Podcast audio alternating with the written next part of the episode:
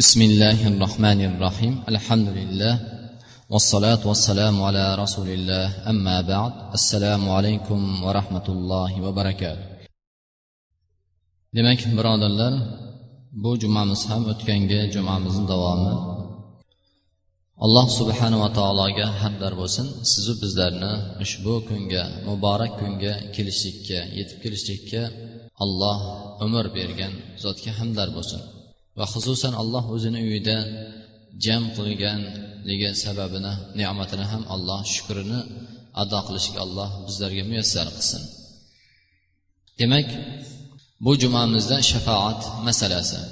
Shafoat bu e, aqidaviy masala bo'lib g'aybiy masala bo'lib bu masalada faqat olloh va rasuli o'zining qur'onida kalomida va rasuli o'zining hadisida xabar bergan xabariga faqat suyanamiz.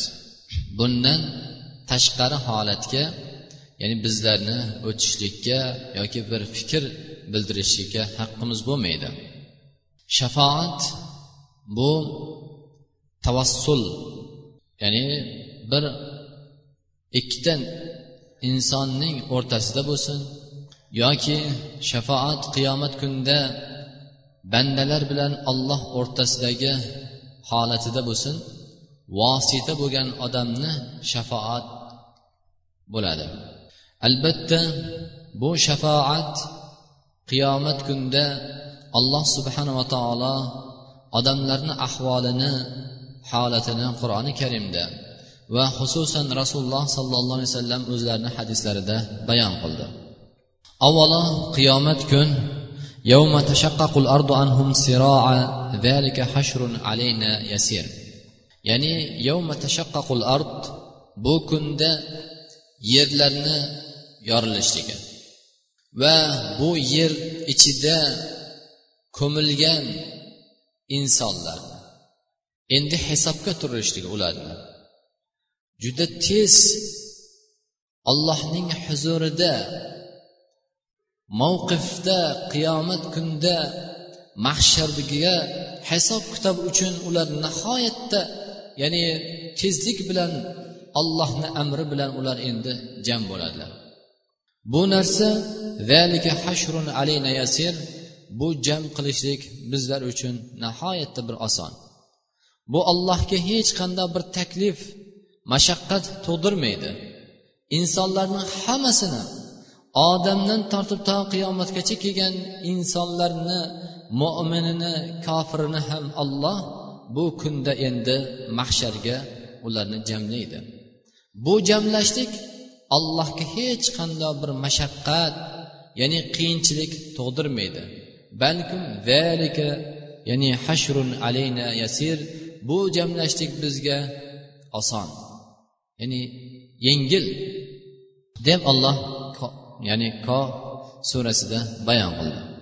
Undan keyin muttaqina ila rahmani vafda va nasuqul mujrimina ila jahannama virda bu kunda muttaqillarni allohning amriga itoat qilgan rasuliga itoat qilgan ergashgan bandalarini muttaqillar qalblarini shirkdan gunohdan ma'siyatlardan saqlagan bandalar muttaqillardir mana bular ollohni huzurida ulug'langan qiyomat kunida sharaflangan bir aziz bo'lgan holatda ular endi keladi. Va nasuqul mujrimina ila jahannam va mujrimlarni gunohkorlarni kofir mushriklarni allohning huzuriga jahannamga chanqag'on holatida ular haydaladi.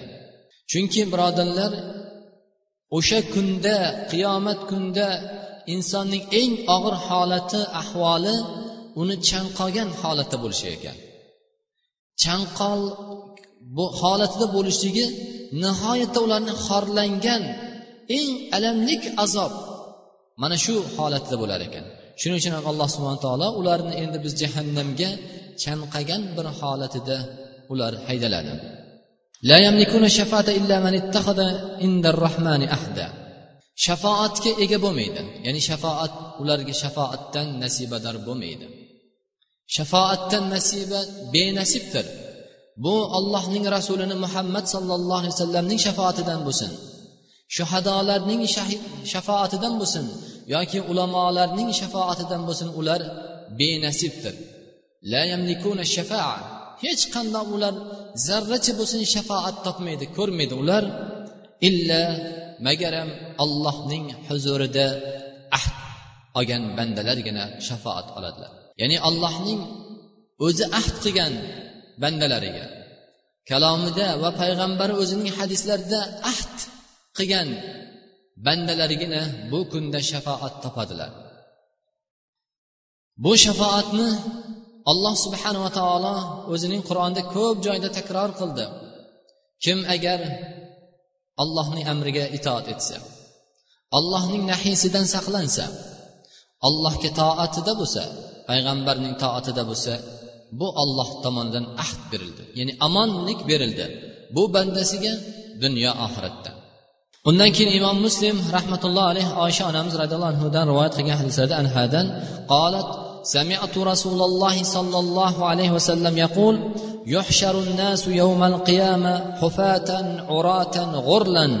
قلت يا رسول الله النساء والرجال جميعا ينظر بعضهم إلى بعض.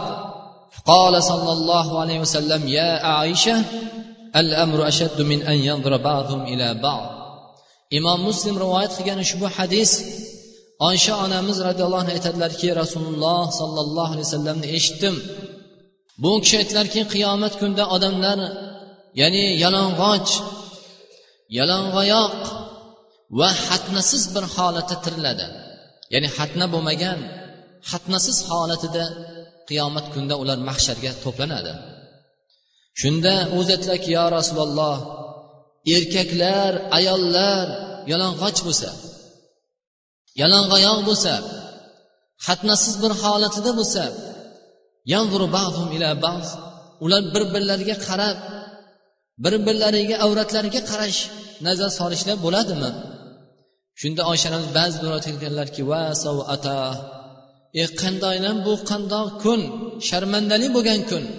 Hamma yalang'och bo'lsa bir birlarini avratlariga qaraydigan kun bo'lsa ya'ni yalang'och bo'lgandan keyin bir birlarini avratlariga qaraydiku.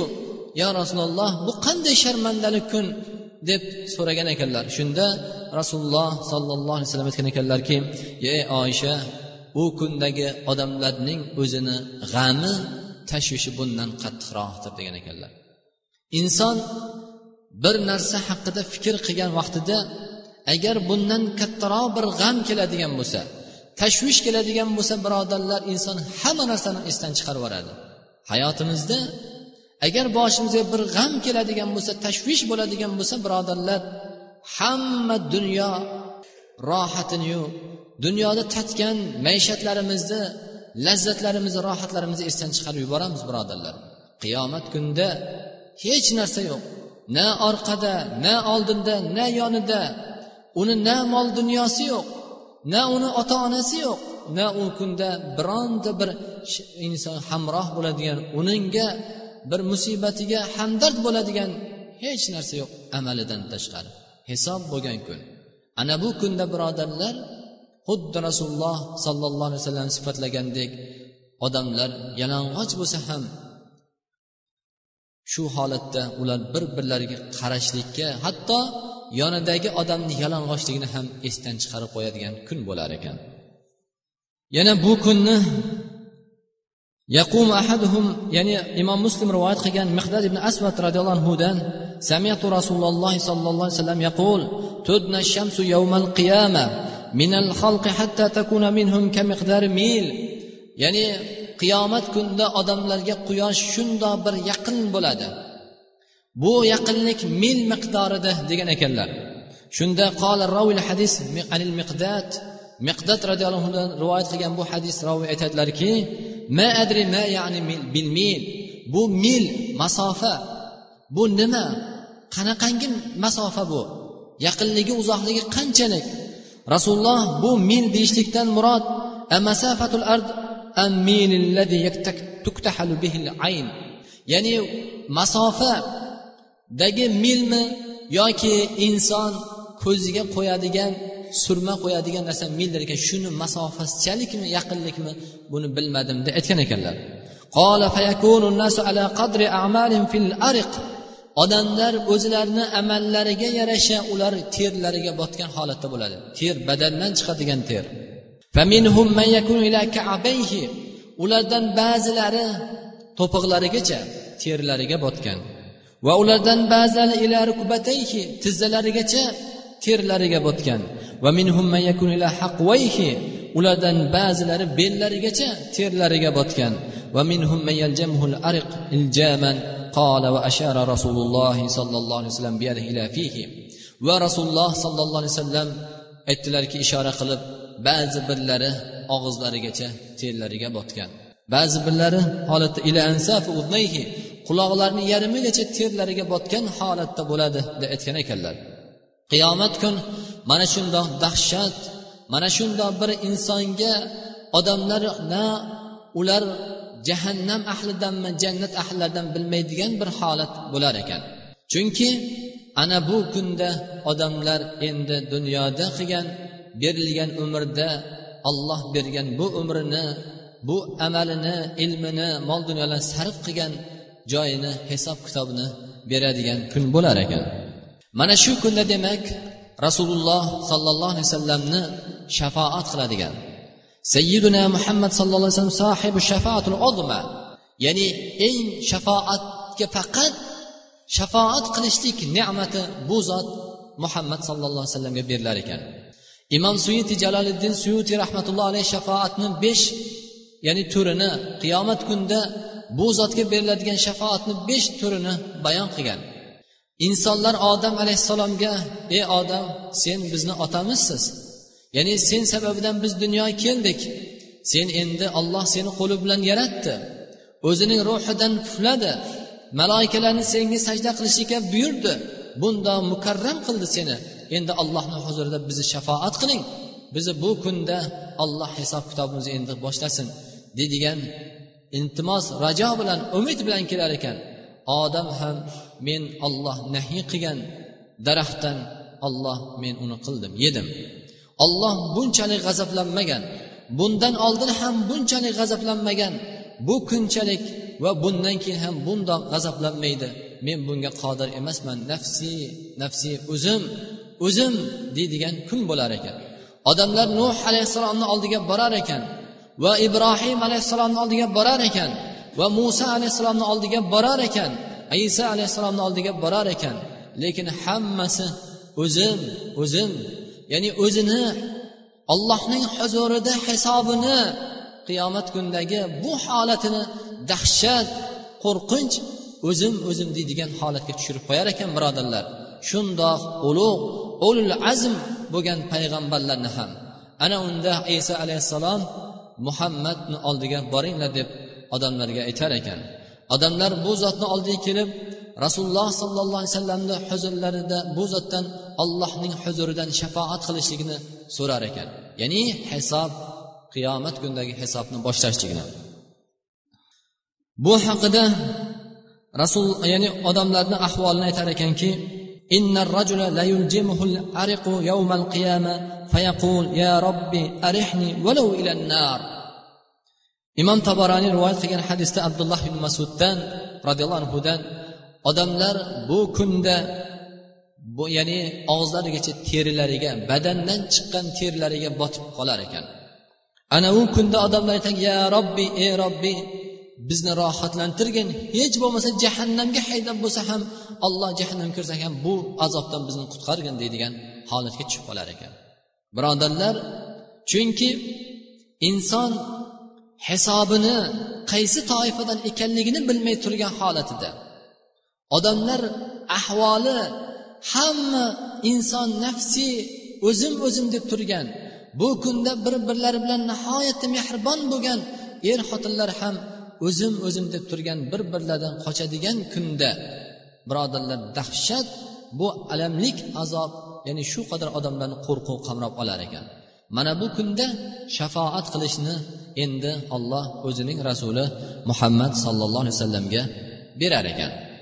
Ya'ni bu shafoat demak odamlar o'rtasida alloh taolo ey habibim ummatingiz ichidan hisob qilinmaydiganlar degan shafoat ikkinchi shafoati bo'ladi. Va odamlar o'rtasida shafoatni ya'ni hisob kitobni boshlashlikni allohdan so'rar ekan. Ya'ni bu dahshatdan ummatini insonlarni qutqarishligini xalos qilishlikni ya'ni alloh subhanava taolodan shafoat qilib so'rar ekan. U zot arshing tagiga kelib sajdaga bosh qo'yadilar. Alloh taolo ey rasulim boshingizni ko'taring. Nima so'rasangiz beraman deydi. Shunda rasululloh sollallohu alayhi vasallam muborak boshlarini ko'tarib allohdan ummatlarning barcha mashaqqatlardan xalos etishini so'raydilar deb aytgan ekan. Ushbu rivoyat yuqorida aytganimizdek hadislarda rivoyat qilingan holat qiyomat kundagi shafoatni aslida birodarlar bu bir jumaga kifoya bo'lmaydigan. Bir jumada xolos bo'lmaydigan nihoyatda uzun va rasululloh sollallohu alayhi vasallamni shafoatlari besh holatida besh turga bo'lgan ekanlar. Albatta bu qiyomat kundagi shafoatlar bu dunyoda ham azizlar shafoat bor. Bu dunyoda shafoat ya'ni odamlar o'rtasida rasululloh sollallohu alayhi vasallamdan abu muso ashariy roziyallohu anhu aytadilarki ya'ni rasulullohning huzurlariga payg'ambarimizni huzurlariga bir hojati bor odam muhtoj bo'lgan odam so'rab kelsalar aytar ekanki yonidagi ashoblariga sahobalarga aqbala ala julasaihi faqala ishfa'u tu'jaru ya'ni bu birodarlaringda shafoat qilinglar. Bu birodarlaringga shafoat qilinglar ya'ni yo shafoat aytganimizdek birodarlar o'rtada turadigan odam. Bir birodarini foydasiga shafoat qilishlik o'rtada turishlik yoki shu bir birodariga zararni birodarni zarardan saqlanish saqlashlikka o'rtada turishlik o'rtada turgan odam shafoatchi bo'ladi. Demak shunda payg'ambarimiz aytar ekanlarki birodarlaringni shafoat qilinglar. Ya'ni hojatini ado qilinglar.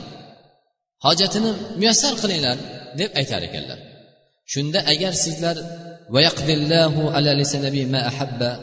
muttafaqun alayh olloh o'zining payg'ambarini tilida o'zi yaxshi ko'rgan narsani hukm qiladi deb aytgan ekanlar. Demak shafoat dunyodagi shafoat demak bir birodarimizga foydasiga o'rtada turishlik yoki bir birodarimizni zararida shu zarardan saqlashlik uchun o'rtada turishlik. Lekin shafoatni uch qismga bo'lgan ekan ulamolarimiz. Shafoat harom bo'lgan narsa. Bu ollohning haddi hududidan insonni saqlab qolishlik. Xuddi payg'ambarimizni sallallohu alayhi vasallam zamonasida bani mahzum qabilasidan bir mahzumiya ayol odamlardan narsa olar ekanda foydalanishga berib turing deb keyin u ayol tan olmas ekan.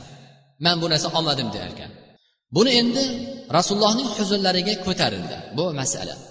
Shunda bu o'g'rini hukmida bo'lib o'g'rini buni qo'lini kesamiz degan hukm qilindi.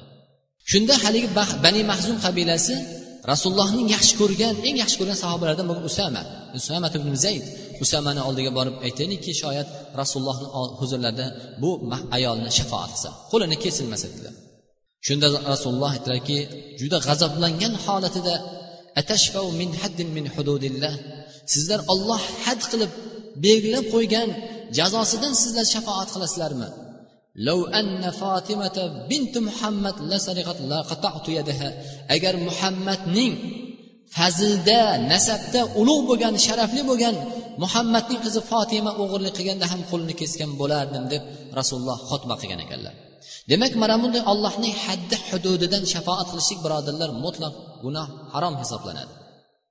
Bir gunohkor odamni bir odam o'ldirgan bo'lsa yoki bir gunoh ish qilgan odam bo'lsa dinga ummatga fasod fitna tarqashiga sabab bo'lgan odamni jazodan saqlab qolishlik birodarlar harom hisoblanadi.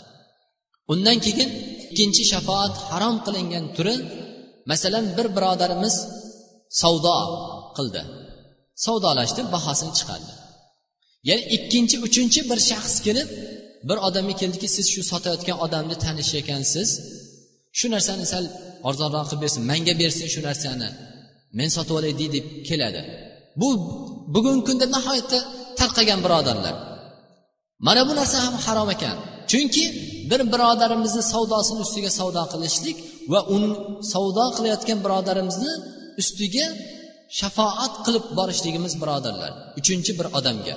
Bu narsa ham birodarlar harom hisoblanadi. Uchinchisi demak mubah shafoat. Masalan bir odam bir imoratni sotib olmoqchi. Sotib olmoqchi bahosini chiqardi.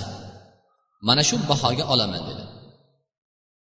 Va u odam bu narsa ozroq bahosi yo'q arzonroq deb uyni egasi aytadigan bo'lsa shu uyni egasini bir tanishigami bir odam borib birodar shunga iltimos qiling. Ya'ni topgan mablag'im shu.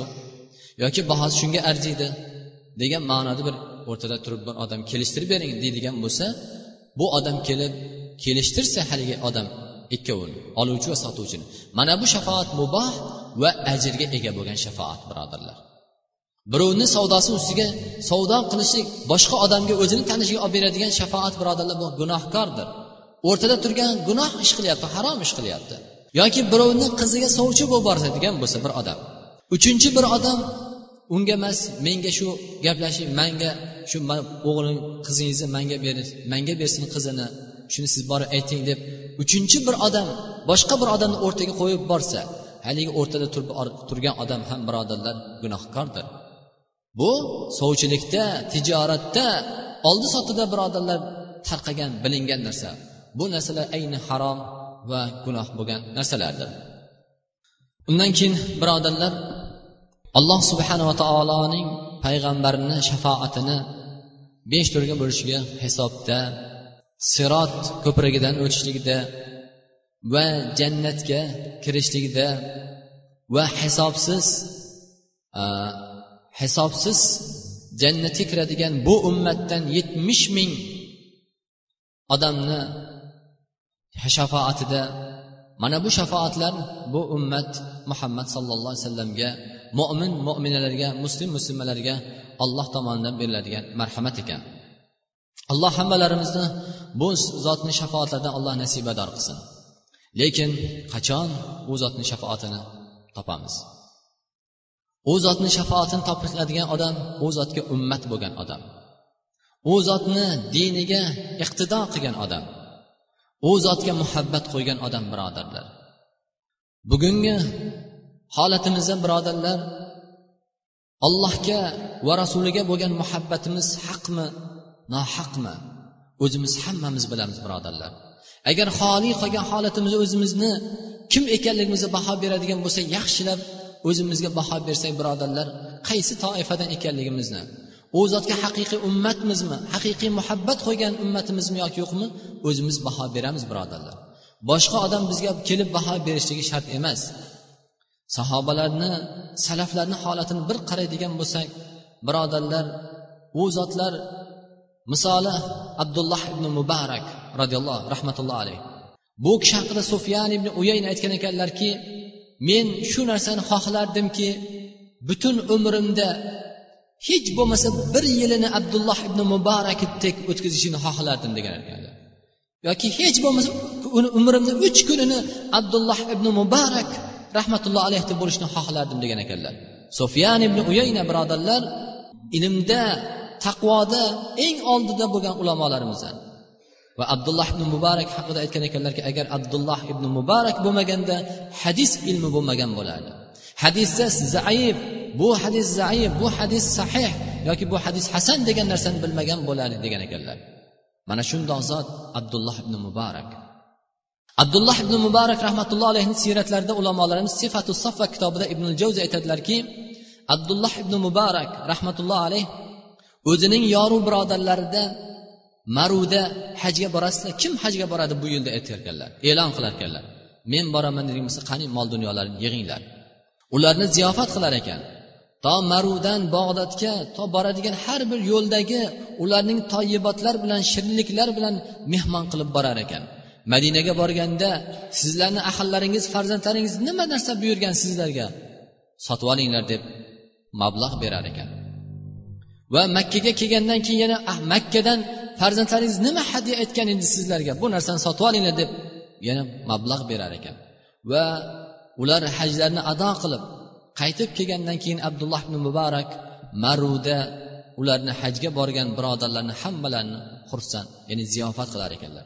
Uch kun o'tgandan keyin ziyofat qilib ularga boshida ketayotganda kim hajga boradi mablag'laringni yig'inglar deganda odamlar xaltalarga solib olib kelgan mablag'ini olib kelgan mablag'ini sondiqqa solib solingan sandiqdan xuddi o'shanda qaytarib berar ekan birodarlar.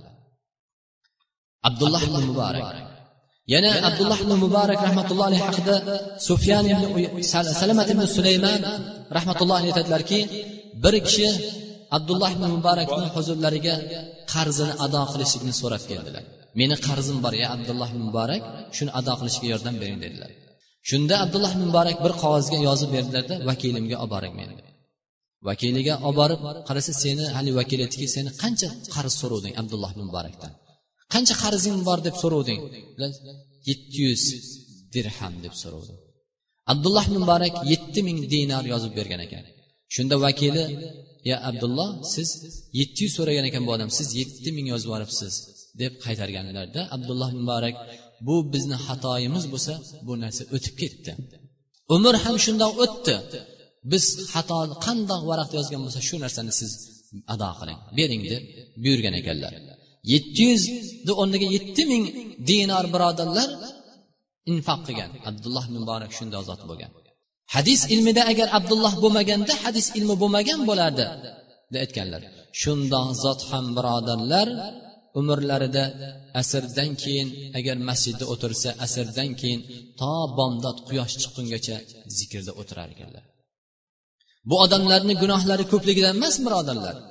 Bularni masjidlarda asrdan keyin zikrda o'tirib to quyosh chiqqungacha o'tirishligi ularni dunyoda ishi yo'qligidan emas. Lekin ular bildiki ne'mat ne'mat bilan topilmaydi birodarlar. Allohning rahmati allohning ne'mati allohning jannati birodarlar inson ne'mat bilan rohatni topmaydi. Shu narsani yaqinan bilgan edilar.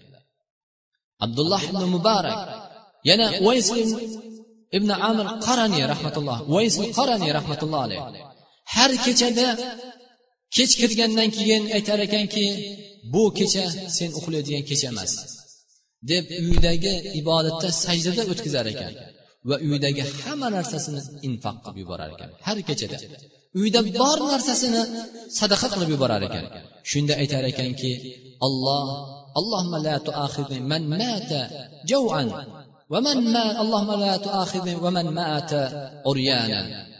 ey parvardigoro kim agar ochini o'ladigan bo'lsa bu kunda olloh meni ular uchun muohaza qilmagin jazolamagin. Bu kunda kim yalang'och o'lgan bo'lsa olloh meni muohaza qilmagin deb duo qilar ekanlar o'ysin qarang birodarlar rasululloh sollallohu alayhi vasallam bashorat bergan.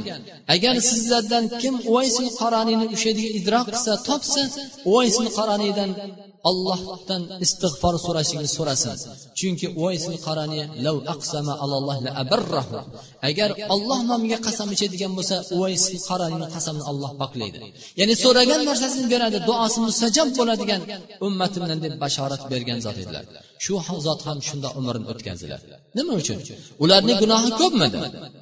Ularni shunchalik kambag'al qashshoqlikka o'tish ularni duosi qabul bo'lmasmidi? Birodarlar ular bildi ne'mat ne'mat bilan ushalmaydi. Ne'mat ne'mat bilan topilmaydi. Shuning uchun birodarlar bugungi kundagi ahvolimizni holatimiz alloh sizu bizlarga ulug' ne'matlar berdi. Liboslarimizda bo'lsin taomlarimizda bo'lsin imoratlarimizda bo'lsin alloh birodarlar juda ulug' ne'matlarni berdi. Albatta ne'mat qancha berilsa uning so'rovi ham hisobi ham shuncha ulug' bo'ladi birodarlar. Abdulloh ibn muborak rahmatulloh alayhdek kim umrida hech bo'lmasa bir marta kunida emas hafta emas oy emas yo yilda emas umrida hech bo'lmasa bir marotaba asrdan keyin allohning uyida zikr bilan to quyosh chiqqungacha allohni zikr qilib chiqqan odam bormi ichimizda birodarlar? Hech qachon topilmaydi. Ular birodarlar ne'mat birodarlar allohning ne'mati. Silasi matosi nihoyatda qimmat. Bu ollohning matosi jannatdir birodarlar. Jannat bu oson arzon bahoga berilmaydi. Shuning uchun birodarlar ahvolimizni bir hisob qilaylik. O'zlarimiz o'tgan o'tkazgan umrimizni. Alloh yo'lida allohni itoatida o'tkazgan umrimizni. Allohning diniga xizmat qilgan umrimizni. Alloh yo'lida berilgan sadaqa qilgan hisoblarimizni bir qilaylik birodarlar. Nima xizmat qildik? Alloh uchun dini uchun birodarlarimiz jiyori birodarlar uchun ummat uchun nima xizmat qildik? Ilm o'qib ilm tarqatdikmi? Alloh yo'lida mol dunyo sadaqa qildikmi? Alloh yo'lida bir kitobni tarqatdikmi? Biz ilm tarqatdikmi? Yoki alloh yo'lida bir birodarimiz gunohda bo'lgan birodarimiz gunohdan saqladikmi? Zalolatda ketgan birodarimiz zalolatdan qutqardikmi? Birodarlar nima qildik? O'zimizni hisob qiladigan bo'lsak xoli qolib agar savol beradigan bo'lsa sen nima uchun dunyo olloh uchun nima qilding deydigan bo'lsa hammamiz bir savol javob aytamizki faqat o'zing uchun xizmat qilding deya olamiz birodarlar. Faqat o'zing qorning uchun o'zing bola chaqang uchun xizmat qilding deya olamiz birodarlar. Boshqa narsaga o'tolmaymiz birodarlar. Alloh hammalarimizni iymonda ibodatda sobit qadam qilsin. O'zini haq yo'lidan adashtirmasin. Alloh bergan bu ne'matini olloh o'zi rozi bo'lgan yo'lga sarf qilishga alloh nasib qilsin. Undan keyin birodarlar savol kelgan ekan. Inson bugungi kunda to'yu hashamlar bo'lyapti. Bularga ketayotgan sarf xarajatlar birodarlar. Ming minglab pullarni birodarlar shuncha sarf xarajat qilganimizda umrimizda shu narsadan olloh yo'lida yetim yesirlarga kambag'al faqirlarga qiynalgan beva bechoralarga nimani sarf qilganimizni ham bir eslab qo'yaylik birodarlar. O'shalarga ham ajratib qo'yaylik ularni ulushlarini ham. Bu sarf qilishdan men topyapman deganimizdan birodarlar bu narsani olloh bir narsaga qodir qilganda ollohni adolatini eslab boshimizga musibat yetganda allohni qudratini ham eslab qo'yadigan kun kelishdan oldin birodarlar bu narsani hisobini qilaylik. Va kuyovlar ba'zi bir yoshlar uylanishda kelinni ixtiyor qilishda u qaynota yoki qaynonani kelin tomonidan dunyoviy manfaatini umid qilishligi. Birodarlar bu erkak kishini ishi emas. Bu uylansam manga undoq olib beradi yo imorat olib beradi yoki bo'lmasa bir ishga joylab qo'yadi deyishlik bu birodarlar bu g'araz emas uylanishlikda bu ibodat nikoh. Bu uylanishlikdan murod birodarlar iffatimizni sha'nimizni kelajak zurriyodimni onasi bo'ladi. Ota onasi bo'ladi degan narsani. Ya'ni aslini pok bo'lgan holatni atalishimiz kerak. Niyatimizni xolis qilishimiz kerak birodarlar. Agar biz bu narsaga qaraydigan bo'lsak ko'pgina oilalardagi janjal to'polonlarga qaraydigan bo'lsak birodarlar ayol kishini erkak kishidan ya'ni sarfda mol dunyoda o'tkazib qo'yganligi sababida shuning uchun ba'zi ulamo aytganki ayolidan erkak kishini mol dunyo olishligi yaxshi emas degan ekanlar makruh degan ekanlar. Sababi bu narsa noqisatil aql bo'lgan zaifa bo'lgan ayollarni erlarni ustidan oliy bo'lishligiga o'zini hukmini yo gapini o'tkazishlikka olib keladigan narsa ekan ya'ni buni natijasi samarasi yaxshilikka olib kelmas ekan. Shuning uchun birodarlar allohdan so'rash kerak. Rasulning hadisiga iymon yaqin bo'lishi kerak. Ayollarga uylaninglar ayollar mol dunyo barakot bilan keladi. Uni ota onasidan so'ra olishlik oilaga kerak bo'lgan ro'zg'orga kerak bo'lgan narsani kelindan talab qilishlik bu narsa ayni odamlar bir birlarini molini botil yo'l bilan harom yo'l bilan yeyishlik deb aytgan ekanlar ulamolarimiz. Erni ro'zg'orga kerak bo'lgan narsani kelinidan sen uni olib kel otangga ayt buni olib bersin uni olib bersin deyishlik bu ayni bir inson bir odamni molini agar harom botil yo'l bilan zo'ravonlik yeydigan bo'lsa bu nihoyatda qattiq gunoh ish qildi. Bu zolimlik qilyapti deymiz birodarlar. Er ham xotinga shundoq zolim bo'lib qolar ekan. Shuning uchun allohdan so'raylik. Alloh menga ayolni solih ayol nasib etgin. Ad dunyo mata dunyo mato va eng dunyoning eng yaxshi matosi soliha ayol dedilar. Alloh menga soliha dini diyonatlik iffatli ayoldan nasib qilgin deb so'rashimiz kerak. Alloh ayolimni rizqini ham menga bergin. Ayolimni boqadigan farzandlarimni boqadigan qilib men ularni ham rizqini olloh menga keng qilib bergin deydigan allohdan so'rashimiz kerak duo qilib. Va sallallohu alayhi sayyidina nabiyina muhammad va ala alihi ashabi ajmain. Alloh hammalarimizni iymonda ibodatda sobit qadam qilsin. O'zini haq yo'lidan alloh bizlarni adashtirmasin. Alloh bizlar gunohkormiz. Bizlar ojizmiz. Alloh bizlarga qalblarimizni salomat qilgin. Ayollarimizni qalblarini salomat qilgin. Farzandlarimizni qalblarini salomat qilgin parvardigoro. Qiyomat kunida rasulingni ummatidan bo'lmoqlikka alloh nasib aylagin. U zotni shafoatini alloh bizlarga nasibador qilgin. Alloh qiyomat kunida yetmish ming hisobsiz so'roq savolsiz kiradigan jannat ahllaridan bo'lmoqlikka alloh bizlarga ahli zurriyat ota onalarimizga alloh nasib aylagin. Va parvardigoro qiyomatda rasulingni huzurida oldida jannatda u zot bilan birga bo'lmoqlikka alloh hammalarimga nasib aylagin. Va parvardigor xonadonlarimizni yurtimizni tinchlik xotirjamlikni barqaror qilgin. Alloh bizlarga berayotgan bu ne'matlaringni mol dunyo ne'mati bo'lsin umr ne'mati bo'lsin farzand ne'matlari bo'lsin alloh bularni bizlarga ne'mat qilgin. Ulardan gunohlardan faxrlanadigan ularni ma'siyatidan faxrlanadigan ota ona birodarlardan bo'lib qolishdan alloh bizlarni saqlagin. Alloh bizlar gunohkormiz bizlar ojizmiz. Sen xoliqsan. Bir qalblarni egasi o'zingsan. Qalblarimizni alloh isloh qilgin. Allohim anta robbi la ilaha illa ant.